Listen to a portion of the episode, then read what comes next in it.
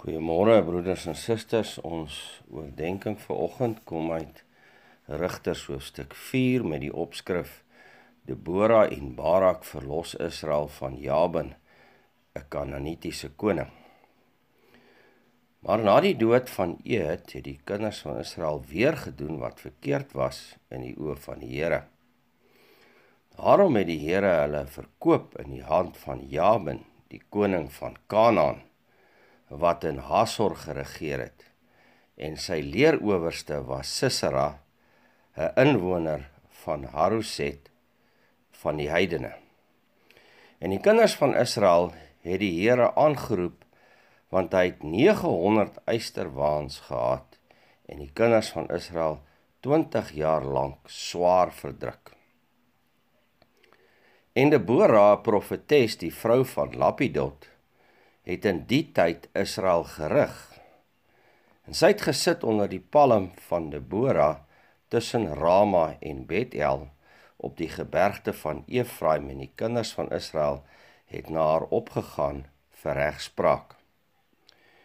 Toe laat sy Barak die seun van Abinoam uit Kedes in Naftali roep en sê vir hom: Het die Here die God van Israel nie bevel gegee gaan trek na die berg Tabor en neem 10000 man van die kinders van Naftali en van die kinders van Sebulon met jou saam. Dan sal ek Sisera, die leeroowerste van Jabin, met sy strydwaans en sy menigte na jou na die spruit Kison trek en ek sal hom in jou hand gee. Maar Barak sê vir haar: As u met my saamtrek, sal ek gaan maar as u nie met my saamtrek nie, gaan ek nie. Toe sê sy, ek sal sekerlik met jou saamtrek, maar die eer sal nie joue wees op die pad wat jy sal gaan nie, want die Here sal Sisera in die hand van 'n vrou verkoop. En Debora het opgestaan en saam met Barak na Kedes getrek. Daarop het Barak Sebilon en Naftali bymekaar geroep na Kedes toe en 10000 man het op sy voetspore opgetrek en Debora het saam met hom opgetrek. En Heber die Keniet het hom afgeskei van Kain van die kinders van Hobab, die swaar van Moses en het sy tente opgeslaan tot by die terpentynboom by Saanaim naby Kedes. En toe hulle uit Sisera berig bring dat Barak die seun van Abinoam na die berg Tabor opgetrek het, het Sisera al sy strydwaans 900 eysterwaans en al die manskappe wat by hom was uit Haserot van die heidene na die spruit Kison bymekaar geroep. Daarop sê Debora vir Barak: "Maak jou klaar, want dit is die dag waarop die Here Sisera in jou hand gee. Trek die Here nie voor jou uit nie, Toe trek Barak van die berg Tabor af en 10000 man agter hom aan. En die Here het Sisera met al die waans en die hele leer deur die skerpte van die swaard in verwarring gebring voor Barak uit. En Sisera het van sy wa afgeklim en te voet gevlug. Maar Barak het die waans en die leer agterna gejaag tot by Haroset van die heidene en die hele leer van Sisera het deur die skerpte van die swaard geval, daar het selfs nie een oorgebly nie. Toe vlug Sisera te voet na die tent van Jael, die vrou van Heber, die Keniet, want daar was vrede tussen Jabin, die koning van Hasor en die huis van Heber, die Keniet. En Jael het uitgegaan Sisera tegemoet met hom vir hom gesê: "Draai uit na my heer. Draai uit na my. Moenie bang wees nie." En hy het na haar uitgedraai na die tent en sy het hom met 'n kombers toegemaak. Daarop sê hy vir haar: "Gee my tog 'n bietjie water om te drink." Want sy het ek het dors. Sy maak toe die melkbak oop. Ag die melksak oop en laat hom daaruit drink en maak hom weer toe.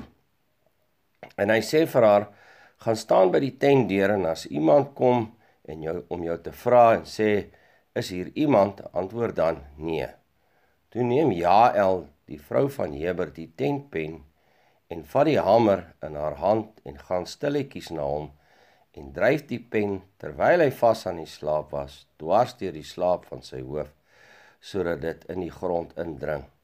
So het hy dan bewusteloos geword en gesterwe. En kyk terwyl Barak Sisera agtervolg gaan Jael uit hom te gemoed en sê vir hom Kom en ek sal u die man wys wat u soek. En toe hy by haar inkom, lê Sisera daar dood met die pen deur die slaap van sy hoof. So het God dan op die dag Jabin, die koning van Kanaan, vir die kinders van Israel onderwerp. En die hand van die kinders van Israel het al swaarder gedruk op Jabin, die koning van Kanaan, totdat hulle Jabin, die koning van Kanaan, uitgeroei het. Hier in Rigters 4 kry ons 'n gedeelte wat ons liefs wil vermy in ons tyd met die vrou in die amp. Hier in Rigters 4 lees ons van Debora as rigter van Israel. Die situasie in Israel was benard. Omweil sonde lees ons het die Here hulle verkoop in die hand van Jabin, die koning van Kanaan. Hierdie koning het 900 eysterwaans strydwaans gehad. Strydwaans was 'n gevorderde wapentuig waarvoor Israel nie altyd kans gesien het nie, soos ons lees in Josua 17 vers 15 tot 18.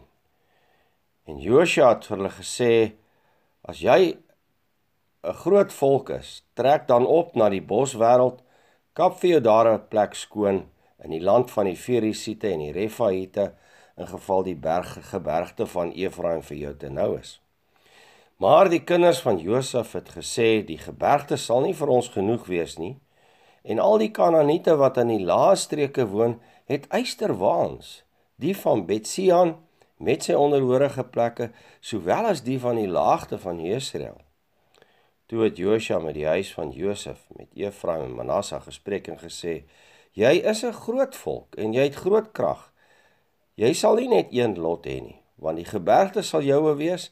'n Boswêreld is dit naamlik en jy moet dit skoonkap, dan sal die uitlopers daarvan joue wees.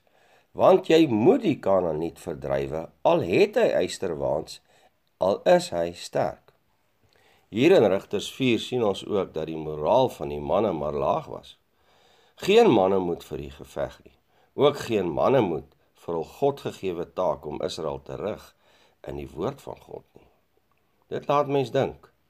Hoeveel vroue in gesinne die geestelike leiding moet neem omdat die manne se hande se verhouding met die Here so swak geword het dat hulle nie meer leiers van hul huise is soos God dit wil nie.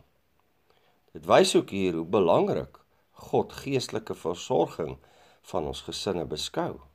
As die man te slaap is, om sy Godgegewe rol te vervul, sal God tot beskaming van homself deur sy vrou werk en leiding gee en selfs deur die kinders werk. Ons sien dit hier in Rigters 4 dat as Debora die goddelike opdrag aan Balak gee, dan het hy nie die waagmoed nie. Al word dit vir hom bevestig deur die woord van die Here dat hy voor hom sal uittrek en sy vyand sal verslaan. Gevolglik word die eer van die oorwinning ook aan Debora en Jael, die vrou van die vyand, wat die vyand met 'n tentpen en 'n hamer deur die kop moet deurboor. Die Here wil mense gebruik om met mense te werk. Hy het ook 'n bepaalde orde waarin hy werk en het ons so geskape dat ons dit so kan doen.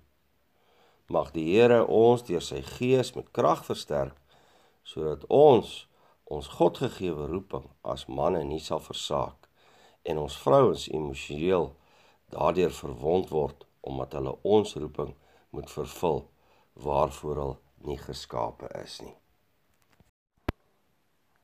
Kom ons bid saam.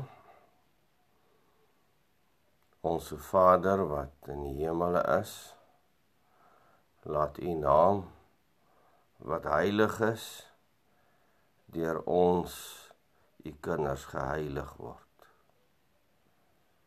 Laat ons soos gehoorsame burgers in u koninkryk ook meewerk dat u koninkryk sal kom. Laat u wil wat maar alleen goed is ook in ons lewens geskied. Ons dankie vir ons dag se brood. Ons bid dat u ons sondes wat ook baie is voor u heilige aangesig sal vergewe en dat ons in die oorvloed van u vergifnis vir ons ook ander so sal vergewe wat teen ons sondig. En o Here, omdat ons swak is, bid ons dat u ons nie in versoekings sal lei wat vir ons te swaar is nie. Maar verlos ons tog van die bose. Want U is ons krag en ons sterkte. Aan U behoort die koninkryk en die krag en die heerlikheid tot in alle ewigheid. Amen. Kom ons sing ook dan hartlik saam vir oggend Psalm 31 vers 1 en 5. Die melodie gaan vir u gegee word. U moet self saam sing. Ek lees die woorde van Psalm 31 vers 1 en vers 5. Net soos 'n rots gesterk gestewig teen storm en ongety is u o Heer vir my. Maak my tog nie beskaamd vir ewig. Bevry my, hoor my bede na u geregtighede. Vers 5 In u my God wil ek weer bly wees. Die guns wat u my bied, wil ek lof sing in my lied. U was dit wat my wou naby wees, wat my in guns aanskou het toe ek op u gebou het. Thank you.